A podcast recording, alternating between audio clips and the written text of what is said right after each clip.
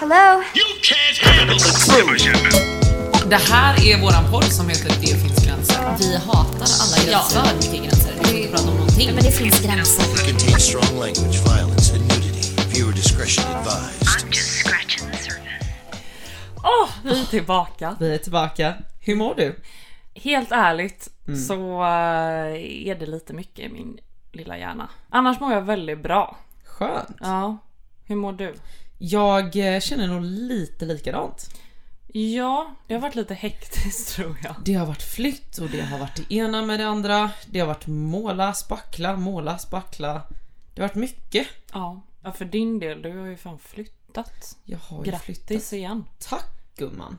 Vad glad jag blir. Tror att du kommer trivas ute på landet. Ja, alltså det är ju det är inte landet, men- Nej. Men det, det blev ju lite fel där. Ja, Jag fick ju, jag skulle ha ett bärstrum. blev grönt. blev grönt. Jag tänkte ändå så här Och du är den mest beiga personen jag känner. Ja, jag ville verkligen ha bärs, men det blev grönt. Jag bor ju på bottenplan Ja. och så är det massa byggubbar för de bygger ett nytt hus på andra sidan. Det första min mamma säger är Men du, det är massa byggubbar här, kan vi inte sätta upp en skylt att du är singel och ditt nummer? Åh, Ställer sig det är så söt. Hallå! Hej alla byggubbar!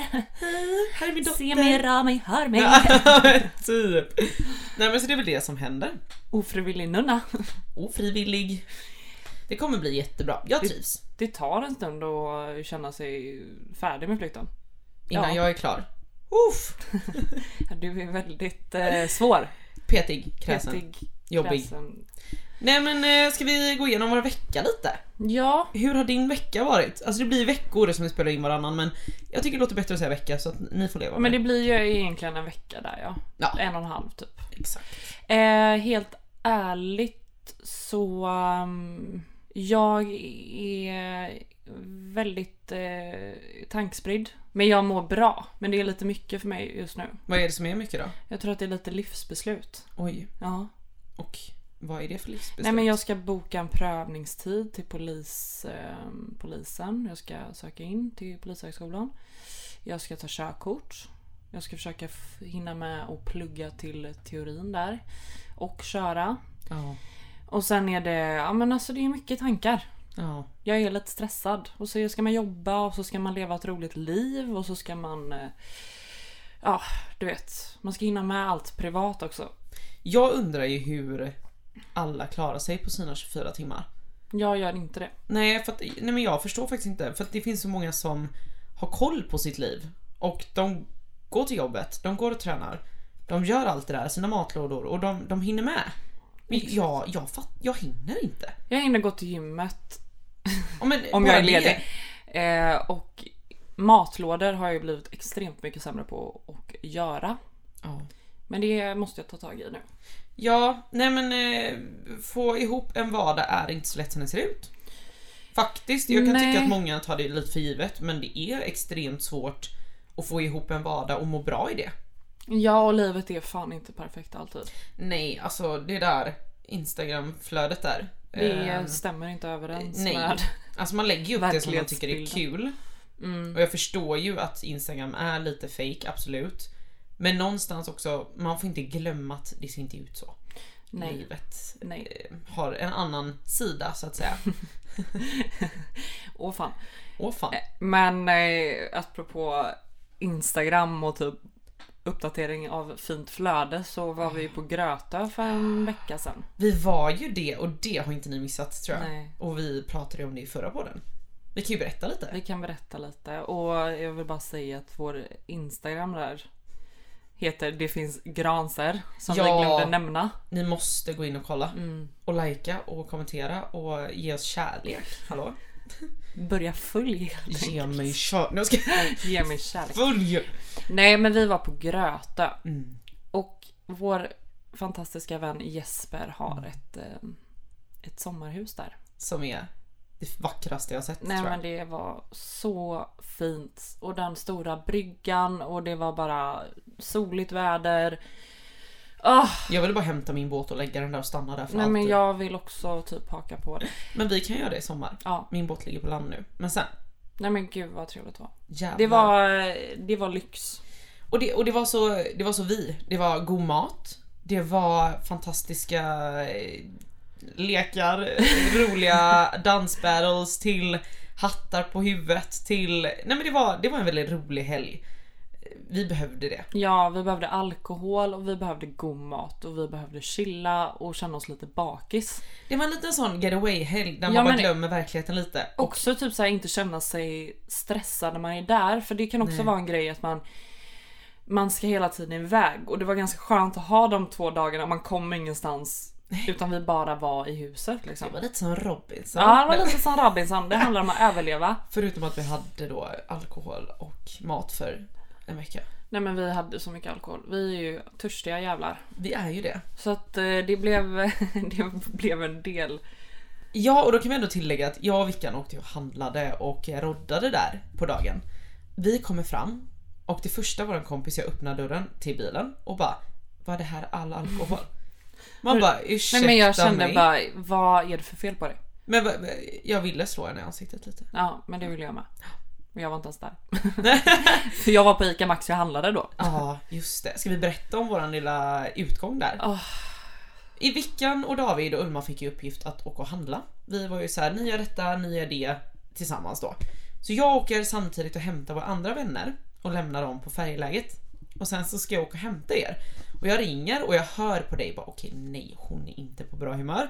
Du bara det här går åt helvete, kom in och hjälp oss nu. Ja, det var ju också så att vi hade ju i och med att vi glömde av att vi hade massa resväskor med oss i din lilla Ja. Mini Cooper.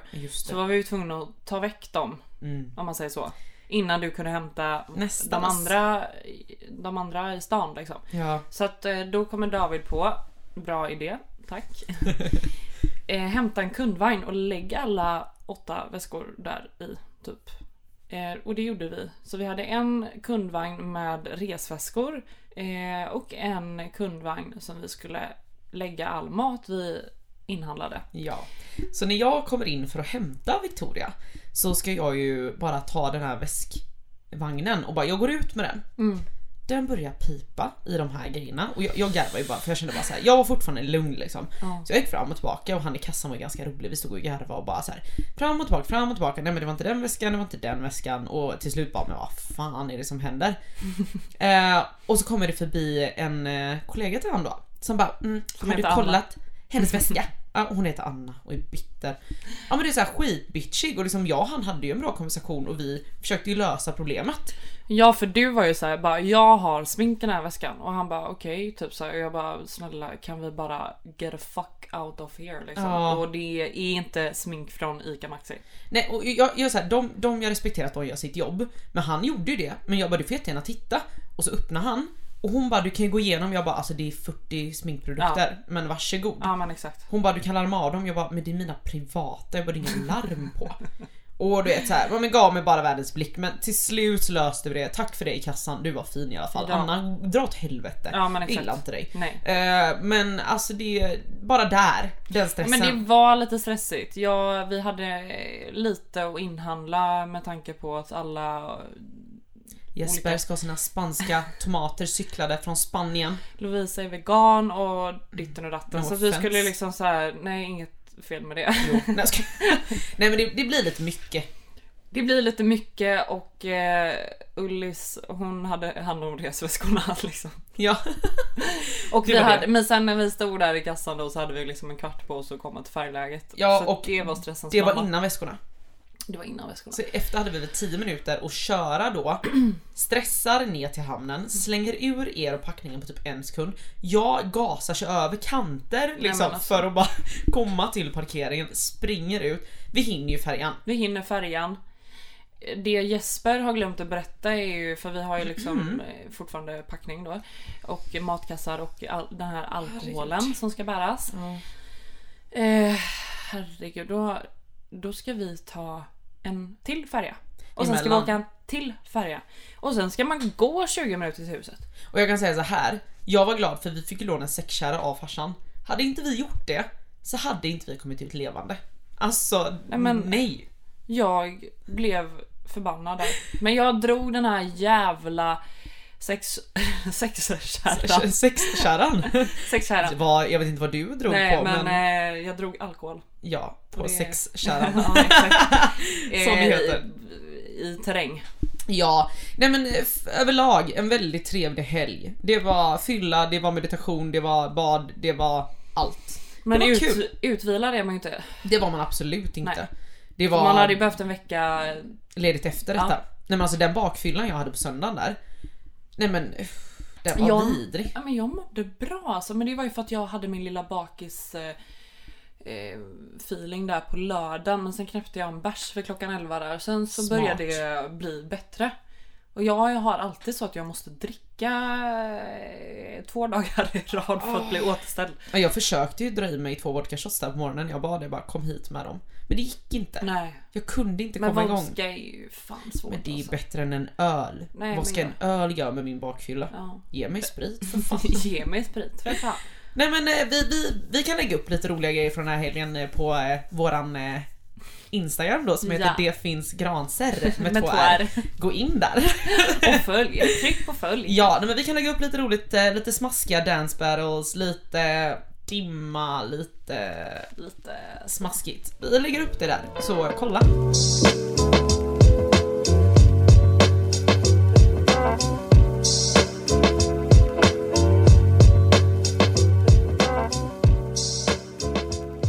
Vet du vad jag fick för sms när jag kom hem på söndagen? Nej. Nej men alltså det här är så roligt, jag måste Vad ta är det fram du det inte här har sagt till smset. mig nu? Nej men alltså, kommer du ihåg i somras när vi, I hit, somras? vi hittade en telefon? Nej, Ulma hittade en Det telefon. här var ju fan i... Nej men gud, det här var i... Det här var i eh, november. Okej, förlåt. Men Ulma hade gått ut på eh, kvällen och hittat en telefon. Du och jag hade varit ute, men du åker hem med din pojkvän och jag åker hem till dig. För att du bor i stan, så jag brukar ju sova hos dig när vi går ut. Eh, jag träffade på Ulma och hennes vänner, vi gick och käkade burgare. Och sen gick vi tillbaka och då hittade hon en telefon. Eh, och på morgonen så är det så här, Ulma ligger och sover. Och vi har telefonen och den låter ju konstant och vi bara men gud vi måste försöka lösa det här. Så vi och den här, den är ju låst såklart och vi kommer inte in på den. Och man kan inte heller typ se alla aviseringar och så. Alltså vi kunde inte svara för vi trodde ju att de ringde den hela tiden. För det, det lät ju som en Ja. ringsignal. Och vi var ju såhär, varför ringer inte idioten som har telefonen? Eh, och klockan var nu typ såhär ett, två och du och jag ligger bakis i din säng. Ja för jag kommer hem sen och du bara vi har hittat en mobil och jag blir såhär men gud jag kan inte släppa det här. Nej, så vi försöker ju utreda stalker mode och hitta den här personen. Eh, så att vi börjar ju med att kolla aviseringarna och vi försöker ta på den personen eh, och vi får inte tag på dem. Vi skriver till typ så här tre olika människor. Till slut så då går vi in på hitta och vi får tag på brorsan till den här personen som äger telefonen. Eh, och vi testar att ringa honom. Vi ringer honom och jag kommer ihåg att jag verkligen bara fan vad trevlig kille. Ja och vi hade ju stakat honom på Facebook också. Ja, så att vi var ju lite så här, vi tyckte det var lite kul. Carro tyckte att han var. Han var lite söt. Nej men jag, jag väl, jag gillar när man kan prata med en person och känna bara fan skön personlighet. Ja. Då känner jag så här, fan du, hoppas du är snygg också men det där gör mycket. Jag får ett sms som trillar in på söndagen när jag och Och det pappa här är står och fan ett målar. halvår senare nästan. Det är ett halvår senare. Den här, nu ska jag läsa upp här för er. Hej, hallå och god kväll. Sakletare. Hallå i hatten eller ja, telefonen kanske. Jag sitter alltså hos min bror som säger Var det inte här i Göteborg som du slarvade bort din jäkla telefon? Jo, sa han. Då tänkte jag Förstå om jag har den där trevliga rösten kvar i sms-konversationen på telen och vips denna idé. Vet inte om du minns när vi hittade telefonen och ringde mig i Eskilstuna. I så fall tänkte vi dra ut och käka lite och varför inte i ditt, erat goda sällskap. Nej men alltså. Hur roligt! Men det är faktiskt alltså så kul. Och jag var så ledsen att vi inte kunde. För Nej, jag jag stod ju vet. mitt i renovering liksom. Så jag bara skrev liksom att vi mindes detta och tyckte det var jättetrevligt av honom Ja. att höra av sig men vi är mitt uppe i allting. Så skrev han verkligen bara gud vad härligt, pensla på. Eh, kanske en annan gång. Ja. Och jag bara ja, så roligt. Nej men så. Det är faktiskt det sjukaste. Ja, men jag tycker sånt är så roligt. Men vad svarar du då? Nej, Eller jag du svarade det? Men ja, vad ja. svarade han? Nej men han skrev verkligen bara härligt pensla på, alltså är kvar till söndag, typ meddela om du vill. Men gud du skulle ju typ ta, tagit en fika egentligen med honom själv. Jag vet, men jag hade väldigt Då att hade du ju fått en jävla dejt. Men vi har ju faktiskt lite annat att prata om idag. Ja det har vi. Vi, vi känner såhär, nu har vi pratat om det roliga, men nu kommer faktiskt lite det tråkiga. Eller ja. Jag På tror att något det är sätt är det fint också. Ja men det måste man få ha lite ångest. Vi, vi tänkte faktiskt dra upp lite ångest. För att det är ju lite det vi har känt senaste veckorna. Så jag tänker faktiskt fråga dig vad din syn på ångest är. Det är nog ganska blandad syn Mm. tror jag. Jag, jag tror att första gången jag kände ångest var när jag var cirka 14 år. Mm. Jag låg i min säng, skulle precis somna. Då jag, jag tror att jag, det här är nog någon form av panikattack alltså. Ja. Och då känns det som att det är en 150 kilos person som lägger sig över mitt bröst och jag kan inte andas. Nej. Sen så eh, har jag haft eh, till och från så jag var, var ungefär 14 kanske. Ja. Jag är ganska stressad person och jag har alltid många bollar i luften och jag ska försöka orientera mitt liv.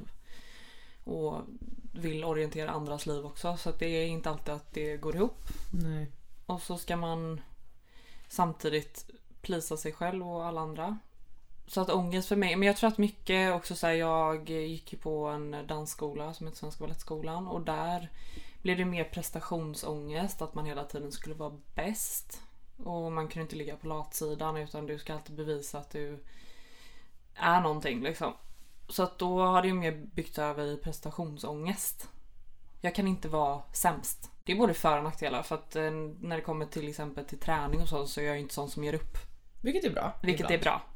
Men ibland så kanske man kan nöja sig med eh, att det går bra att inte kunna allting. Eller med typ, jag gick till gymmet idag. Jag gick till gymmet, klappade själv på axeln bara fan vilket gött träningspass. Istället för att bara gud jag lyckas med det här liksom. Så att jag, ehm, ja blandade åsikter kring ångest. Det ehm, är lite vad det är och den kommer i olika former. Ångest är verkligen så brett. Mm. Alla upplever det olika. Hur upplever du din ångest? Oj, min historia med ångest. Nej men alla som känner mig vet ju min historia. Men eh, för att försöka dra den lite kortare. Alltså jag fick nog min första panikångestattack när jag var liten. Min första ångestkänning, jag kommer till och med ihåg det här tillfället. 10-11 kanske. Ja. Ehm, hade mycket hjärtklappningar. Tränade extremt mycket. Jag tränade typ sju dagar i veckan plus match. Så jag fick typ sluta med någonting. Eh, tog lite lugnt. Nej men sen är det bara en eh, stor rad av ångest dagligen, panikångestattacker, depressioner och eh, ingen livslust. Det har varit, det har varit eh, jobbiga år, måste jag ändå erkänna. Men ehm, man blir ju väldigt stark av det också. Absolut. Men ångest för mig är ju mer, du har ju som du säger det här trycket över bröstet eller Ja men en klump i halsen liksom mer typ Mm. att ja, men det känns som att man du vet så här. Man måste Man ta ett djupt andetag liksom. Jag har ju med, alltså jag kallar ju mina, alltså nu alla får ju tycka hur de vill men jag har så här fysisk eller psykisk ångest. Och fysisk ångest för mig det är när, när man inte sover, inte äter, Ja, ehm, gud. då får man ju ångest och det tycker jag är rent fysiskt. Sen kan du få psykisk ångest och det är ju över någonting. Mm. Det har ju inte jag. nej. Jag har bara fysisk ångest. Ja, Jag får inte ångest över att jag har gjort något dumt eller att Nej. jag har en dålig barndom. Alltså absolut inget sånt. Jag har jättebra liv och jag har växt upp jättebra. Men jag har fysisk ångest som kommer antagligen Mm. från... Det kan ju vara...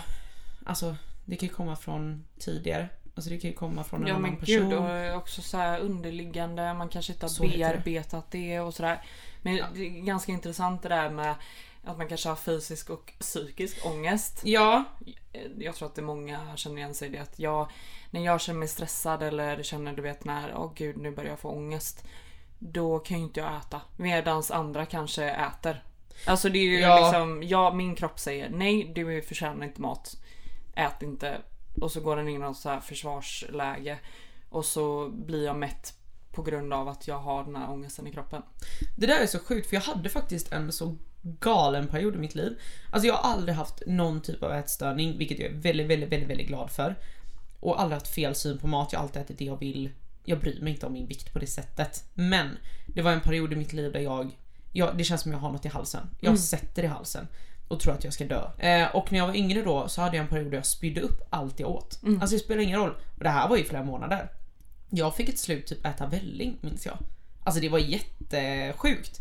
Men det var ju bara på grund av min ångest. Att jag inte fick i mig maten för att jag trodde att jag sätta i halsen. Så det var bara obehagligt att äta. Ja. Eh, Men det har också resulterat i att när jag väl har panikångestattack i vuxen ålder så har ju det varit att mat är ju någonting man försöker skippa. För att jag vill inte få den ångesten. Men Nej. samtidigt äter jag inte så blir alltså, ångesten värre. så det är Ja, också det, blir inte, det blir inte bättre av att inte äta för då har du ingen ork till något annat. Man fungerar ju inte utan mat. Nej, det är alltså- ju vår liksom energikälla. Jag ser det som medicin. För Ja. jag fick övertala mig själv till det när jag mådde som sämst. För att det var så här: äter inte du så kommer du må sämre. Så till slut var det bara så här. nu kommer jag må skitbra om jag äter detta. Mm. Så fick jag liksom vända på det.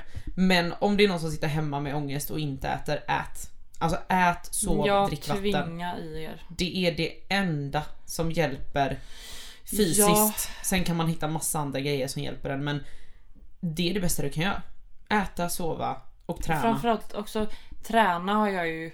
För mig har ju min största flykt varit eh, träning. Men träning är ju det bästa men kanske också det sämsta då om du har ångest över Mm. träningen. Ja men inte, inte på samma sätt. Jag tror att det var mer påtagligt när jag var yngre då Mm. med tanke på att jag har dansat och hela den biten. Men när det kommer till att liksom bara träna för hälsans skull så känner jag inte den kanske ångesten kring det utan nu har det istället liksom att jag får jag får hjälp.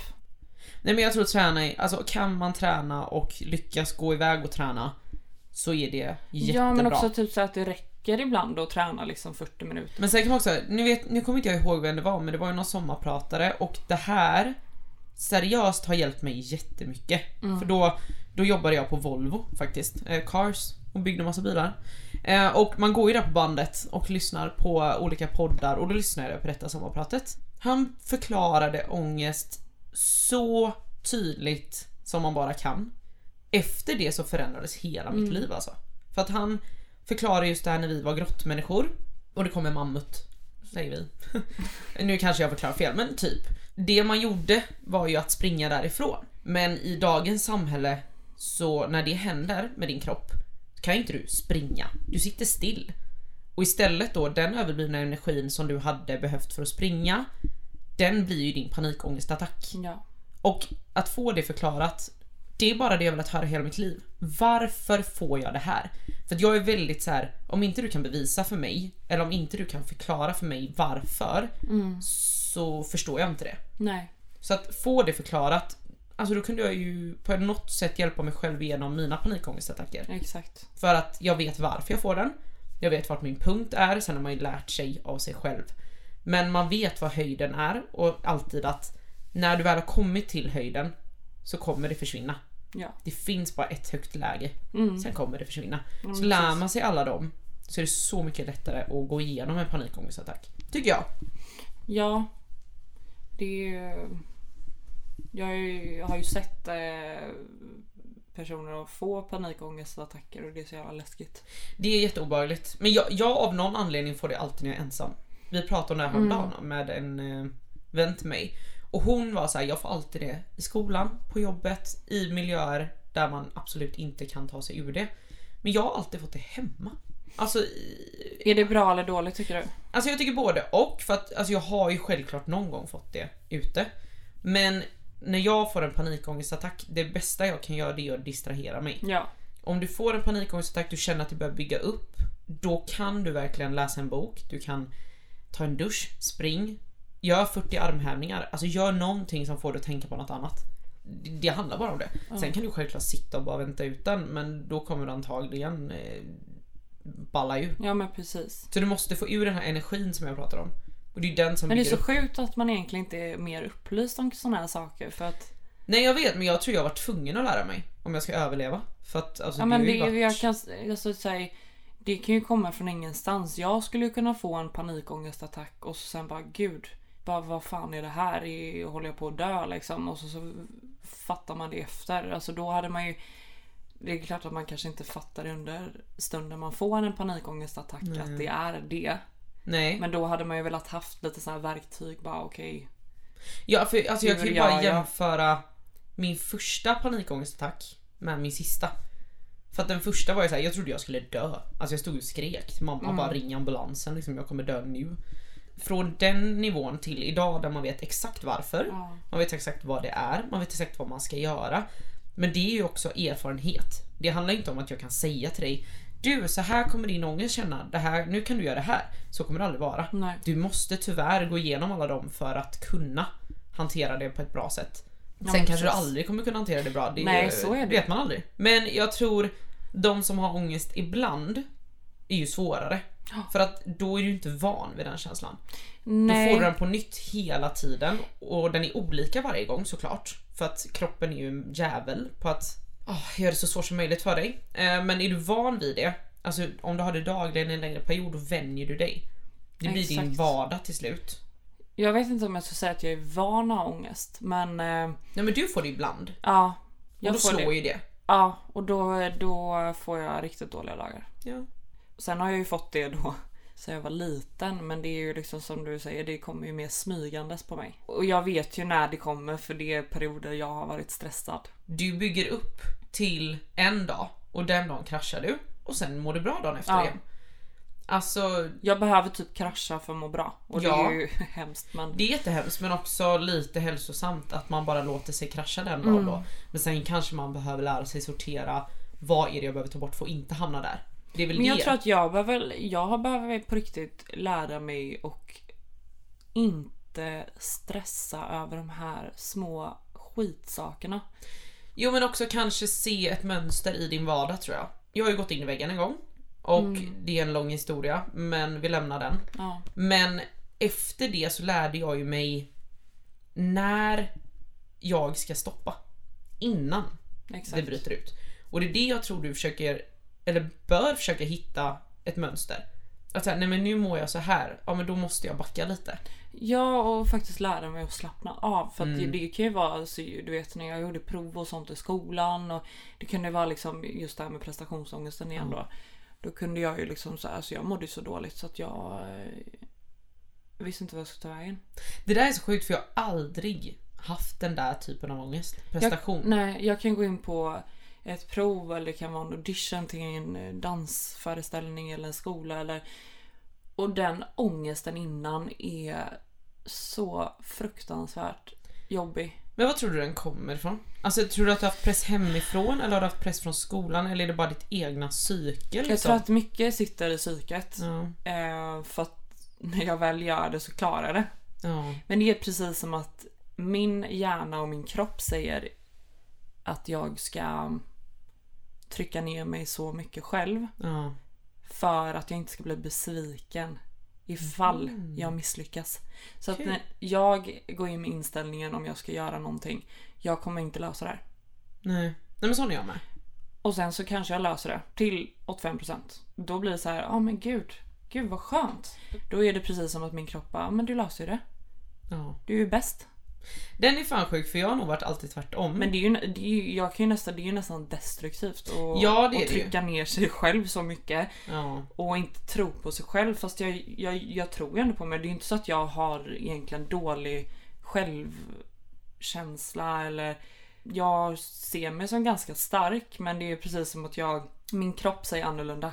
Men du är jättestark men du är också väldigt bra på att vara stark utan att visa alltså vickan. Missförstå mig Ja. men det har tagit lång tid att lära känna dig djupt. Ja. Du släpper inte in vem som helst. Nej. Det är typ först nu jag kan känna att du faktiskt släppt in på djupet. Ja. För innan hade du den här fasaden. Alltid så bra, alltid så lyckligt och starka vickan. Men lite så. Ja, Men jag, jag skrattar och sen så eh, går jag vidare. Ja. Jag har väldigt lätt för att gå vidare. Och, och det har ju jag lärt mig av dig. Mm. Så det tycker jag är jättefint för att jag hade inte de tankarna innan. Så du har ju lärt mig att, men skit i det.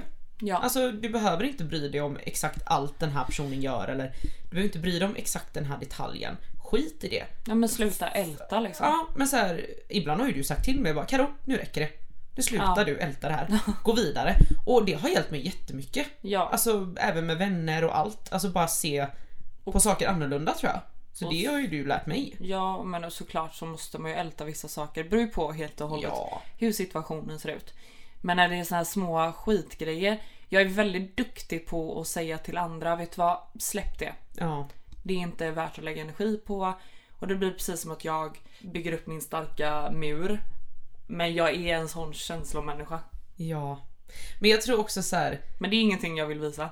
Nej jag vet men jag tror där är tvärtom för att när jag var yngre innan jag hade gått in i väggen.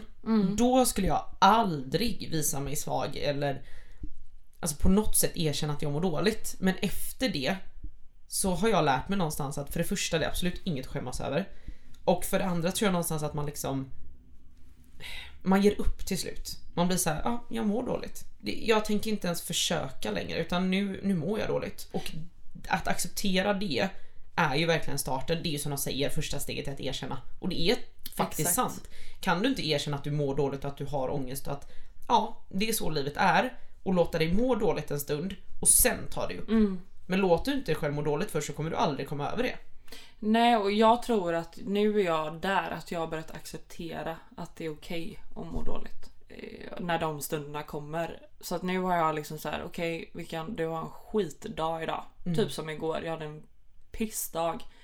Och så var, skrev jag till dig och du säger det är okej liksom. Men är Då inte det skönt att så här- säga det? Ja, och jag tror att jag har börjat släppa in personer och det är samma när man skaffar pojkvän eller whatever liksom. Att man måste släppa in. För hade jag liksom haft den muren till David också då hade inte det funkat liksom. Nej. Jag är väldigt känslosam. Och ja, det är okej att krascha liksom. Svårt för att visa det liksom. Ja. Det är, jag, jag gråter inte framför andra liksom. Men det är okej att göra det. Till skillnad från mig som gråter överallt. Nej men, nej men jag tror bara man släpper den spärren. Mm. Och den, den är skön att släppa. Men man måste också ha människor runt omkring sig som accepterar det. För det finns ju också väldigt många som inte förstår ångest. Och det, det är någonting som jag också har lärt mig att är det någon som har något att säga till dig Mm. om ångest, som aldrig upplevt ångest, fuck dem. Nej men på riktigt, ta inte åt dig för att det där och jag respekterar det samtidigt för att om du aldrig upplevt det själv så vet du inte vad det innebär. Men Nej. ångest är det vidrigaste som finns. Jag kommer aldrig unna, eller unna, vad heter det? men Önska någon annan nej. den känslan. Men jag kommer inte heller förvänta mig att folk ska förstå. Nej. Så vill någon det- sitta och skratta åt det eller vill prata ner på dig för att du har det. Vet du vad? Varsågod. Exakt. För att du vet inte hur det känns. Nej. Och jag har varit där.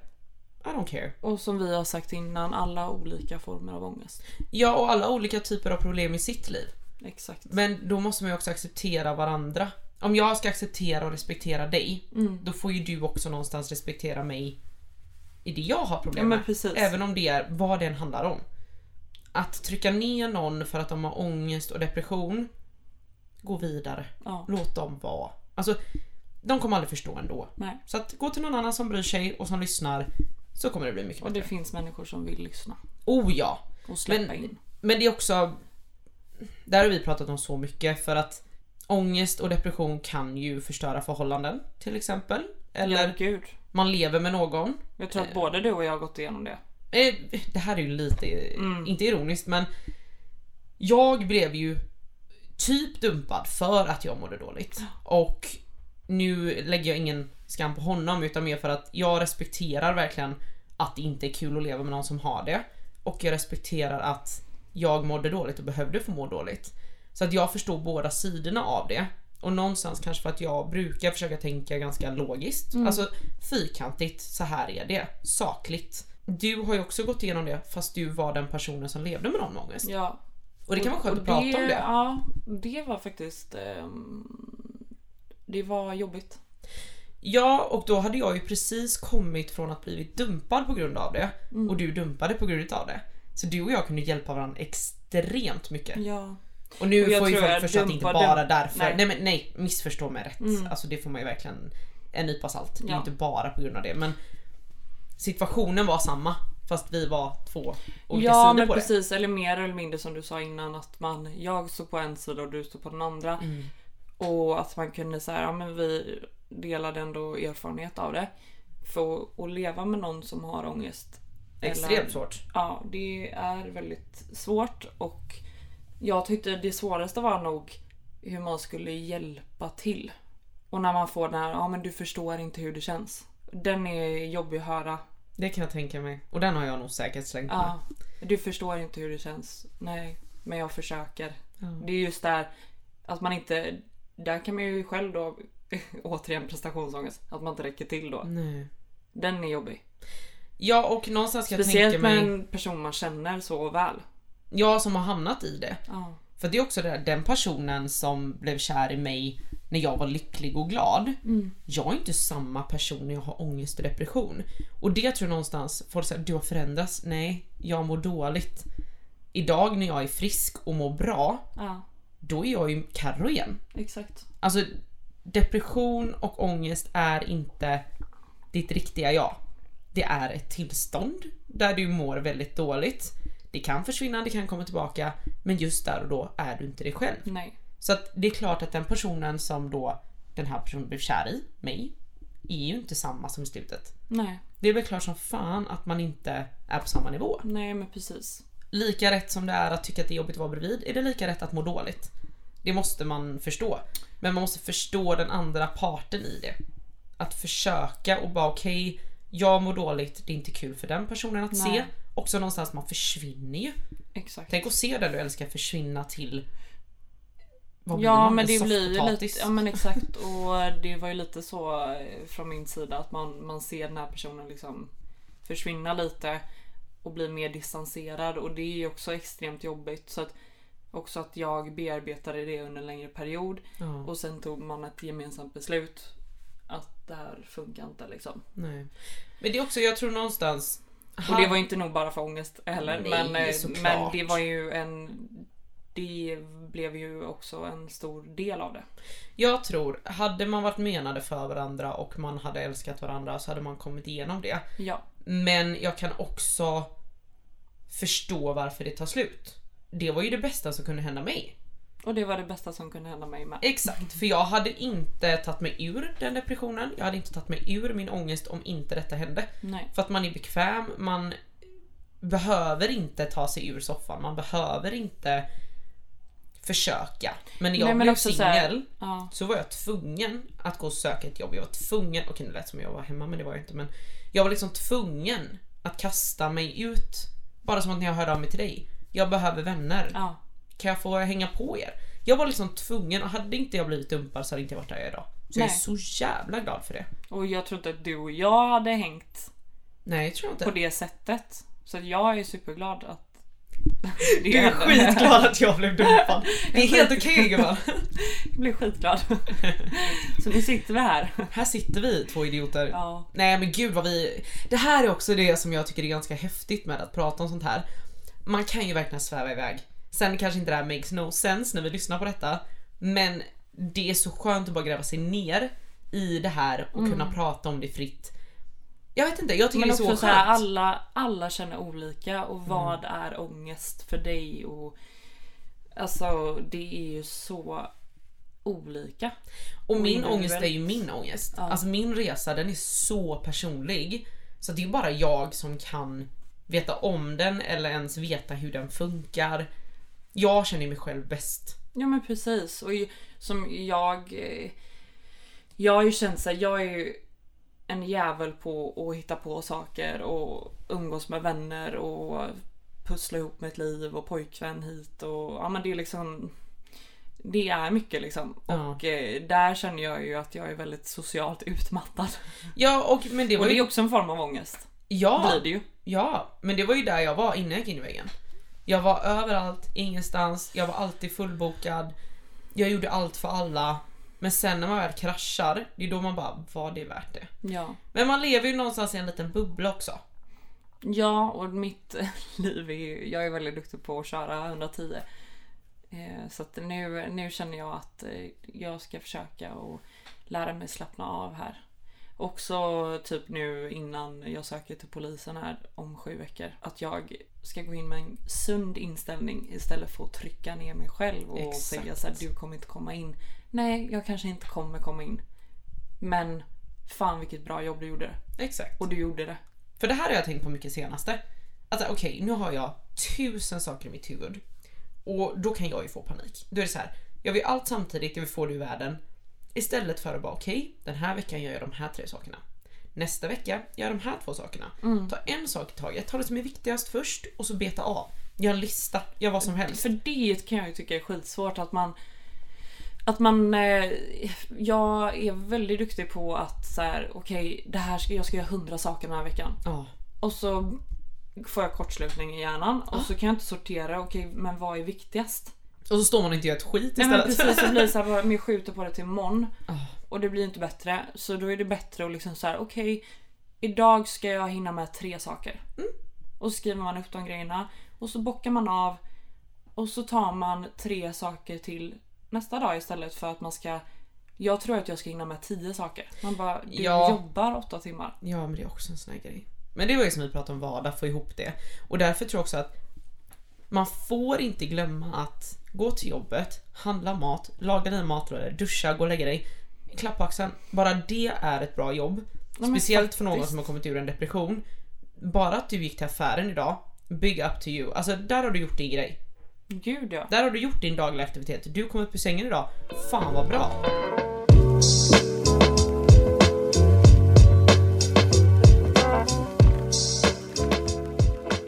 Så, var veckans babe. Ja? Förstår inte vilken ära det är. Veckans babe. Du börjar. Ska jag börja? Ja.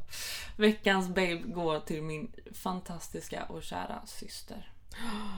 Kajsa. Kajsa. Finaste Min du. älskade syster. Verkligen. Hon är den starkaste personen jag känner. Det håller jag med om. Och jag fick träffa henne i helgen. Så och jag har inte mysigt. träffat henne på ett halvår. Vilket är Jag sjukt. Hon bor i Stockholm, inte. Australien liksom. Men, Nej men det är som det är just nu och ja, det var så tråkigt. mysigt att få ha henne här. Hon, hon kanske kommer tillbaka snart. Vi får se. Vi får se. Ja, Kajsa, puss på dig. ja puss. Vi älskar dig. Vi älskar dig. Ska jag berätta om min veckas baby Ja. Jag har faktiskt, det blir ett par. Det är okej va? Det är helt okej. Mamma och pappa. Ja, Nej men de har hjälpt mig så mycket med den här flytten. de har hjälpt dig fruktansvärt mycket. Nej, men jag orkar inte ens. Mina föräldrar är världens bästa föräldrar. Ja, det Eh, håller jag med om.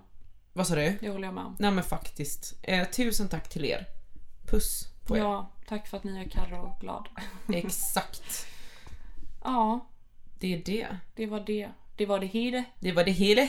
Ska vi avrunda? Ja men vi säger tack för denna gången så eh, ses vi när vi ses. Det gör vi.